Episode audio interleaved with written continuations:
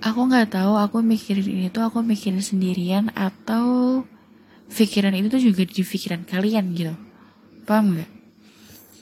Jadi tuh kayak diisi kepala aku ini diri aku yang beranjak dewasa itu tuh kayak di umur sekarang tuh bener-bener merasakan fase di mana diri sendiri tuh nggak tahu maunya gimana.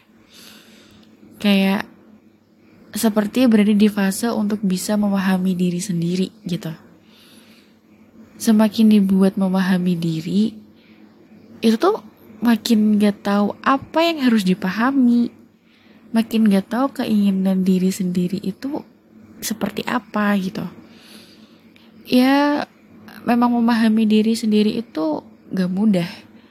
Justru lebih rumit dibanding memahami orang lain. Di umur sekarang juga sedang ada di fase gak tahu mau ngapain.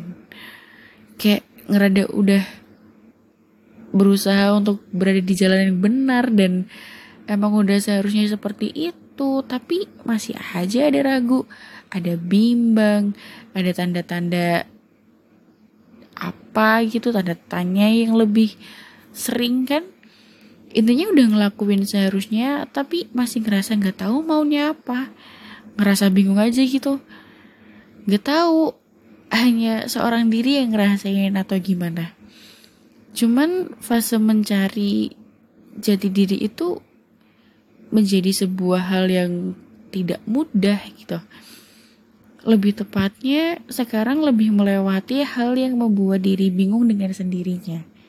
Ya gak sih? Terlebih banyak tanda tanya yang jawabannya perlu waktu banyak untuk itu.